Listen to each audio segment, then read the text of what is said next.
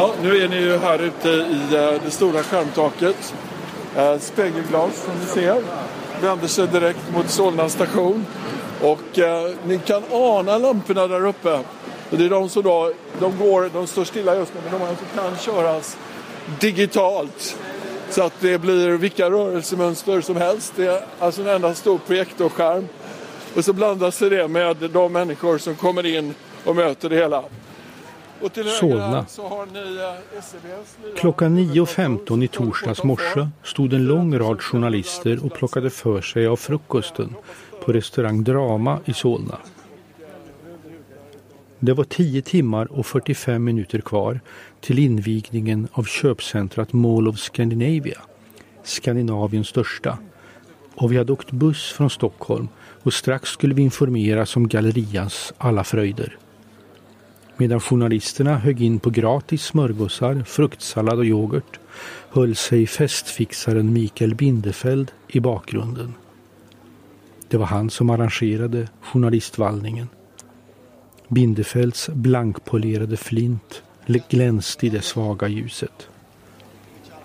I ett hörn stod goodiebags, pappkassar med gåvor från handlarna till de kritiskt tränade reportrarna. En flaska vatten, lego, en kräm, lite kaffe.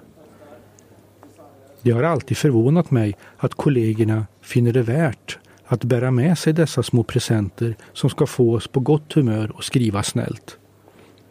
Man kan skriva snällt i alla fall, har jag alltid sagt. Restaurang Drama ligger i anslutning till SFs biograf där det inte bara finns landets första kommersiella IMAX-biograf med välvd duk och skakande ljud utan även VIP-rum för extra fina besökare eller snarare sådana som betalar mer. De vanliga biljettautomaterna är röda. VIP-rummet är guldgula.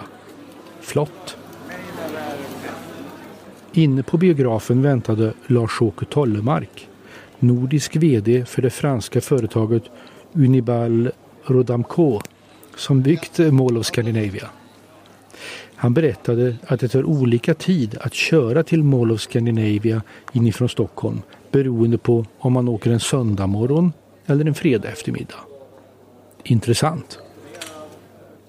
Mall of Scandinavia ska vara energi, livfull glädje, möten, välkomnande, mångkulturellt och inkluderande. Det sa Tollemark. Ja, men det är en viktig del. Det, det, det vi kallar four star services till exempel. Vi säger det är inte femstjärnigt och många frågar. Men, nej, men vi är inkluderande. Det här är ett köpcentrum för alla. Vi lägger mycket energi och mycket resurser på detaljerna så att det ser ju ganska säga, spektakulärt ut. Men vi vill samtidigt att det ska vara bekvämt och det kommer vi se under rundturen så här. Att trevliga soffor, miljöer, växter, ibland lite mindre skala och ibland alldeles stort och fantastiskt. Då. Och alla är välkomna. Han använde ännu fler ord men jag hann inte anteckna. Budskapet var i alla fall att hit ska alla komma och handla. Journalisterna fick en broschyr där vi lärde oss att Mall of Scandinavia är framtidens köpcentrum som tar detaljhandeln till en ny nivå med högt ställda krav på kvalitet och service genom alla steg i kundens upplevelse. En innovativ miljö präglad av internationell atmosfär som ska bjuda på verkliga upplevelser. Att besökaren möter flera attribut med stark individuell karaktär där det finns utrymmen för vila och möten. Samt att Mall of Scandinavia är ett epicentrum för underhållning. Epi framför centrum betyder på PR-svenska att det är extra mycket centrum. Kort sagt en shoppingupplevelse som saknar motstycke. Särskilt Mall of Scandinavias Flagship Avenue ger en distinkt och urban känsla. Under rundvandringen pekade direktör Tollemark på en Starbucks och sa att det påminde om det där berömda strykjärnshuset i New York. Fränt.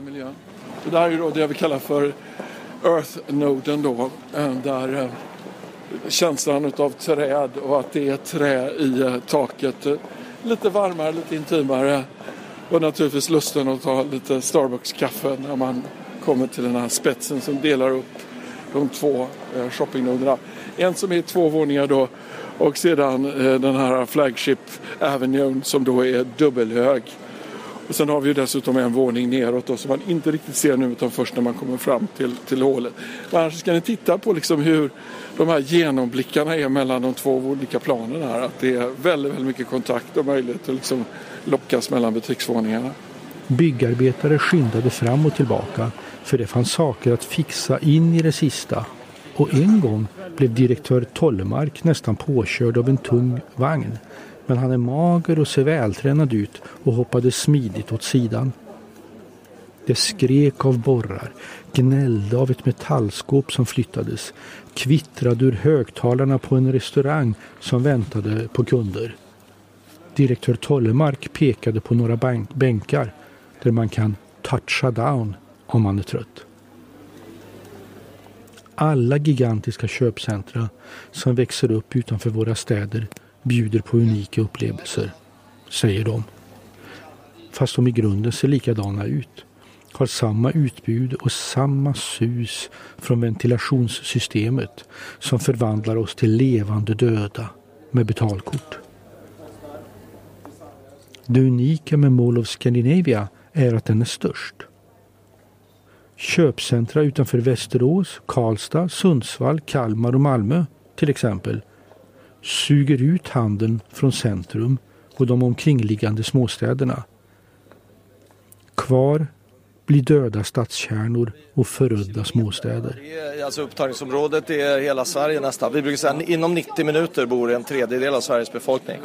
Men det man normalt räknar som upptagningsområde för köpcentrum det är inom det primära inom 30 minuter och då är det 1,6 miljoner människor ja. och 2,3 inom 60 och sen har du en tredjedel av Sveriges befolkning ja. inom 90 minuter. Ja.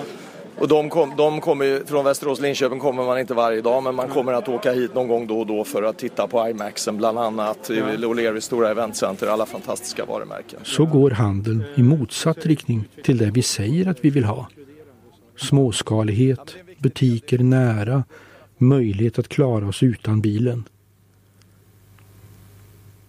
De gallerier som byggdes utanför de stora regionstäderna och konkurrerade ut centrumhandeln kan nu själva bli utkonkurrerade.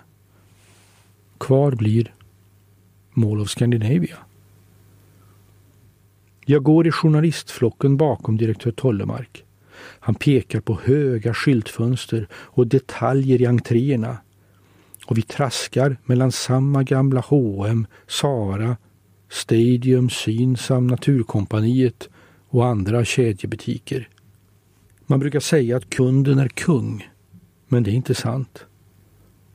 Hundratusentals människor kommer att vallfärda hit, lika lydiga som vi journalister. Ingen har bett om skiten, men nu, när den finns där, blir den vårt nya tempel.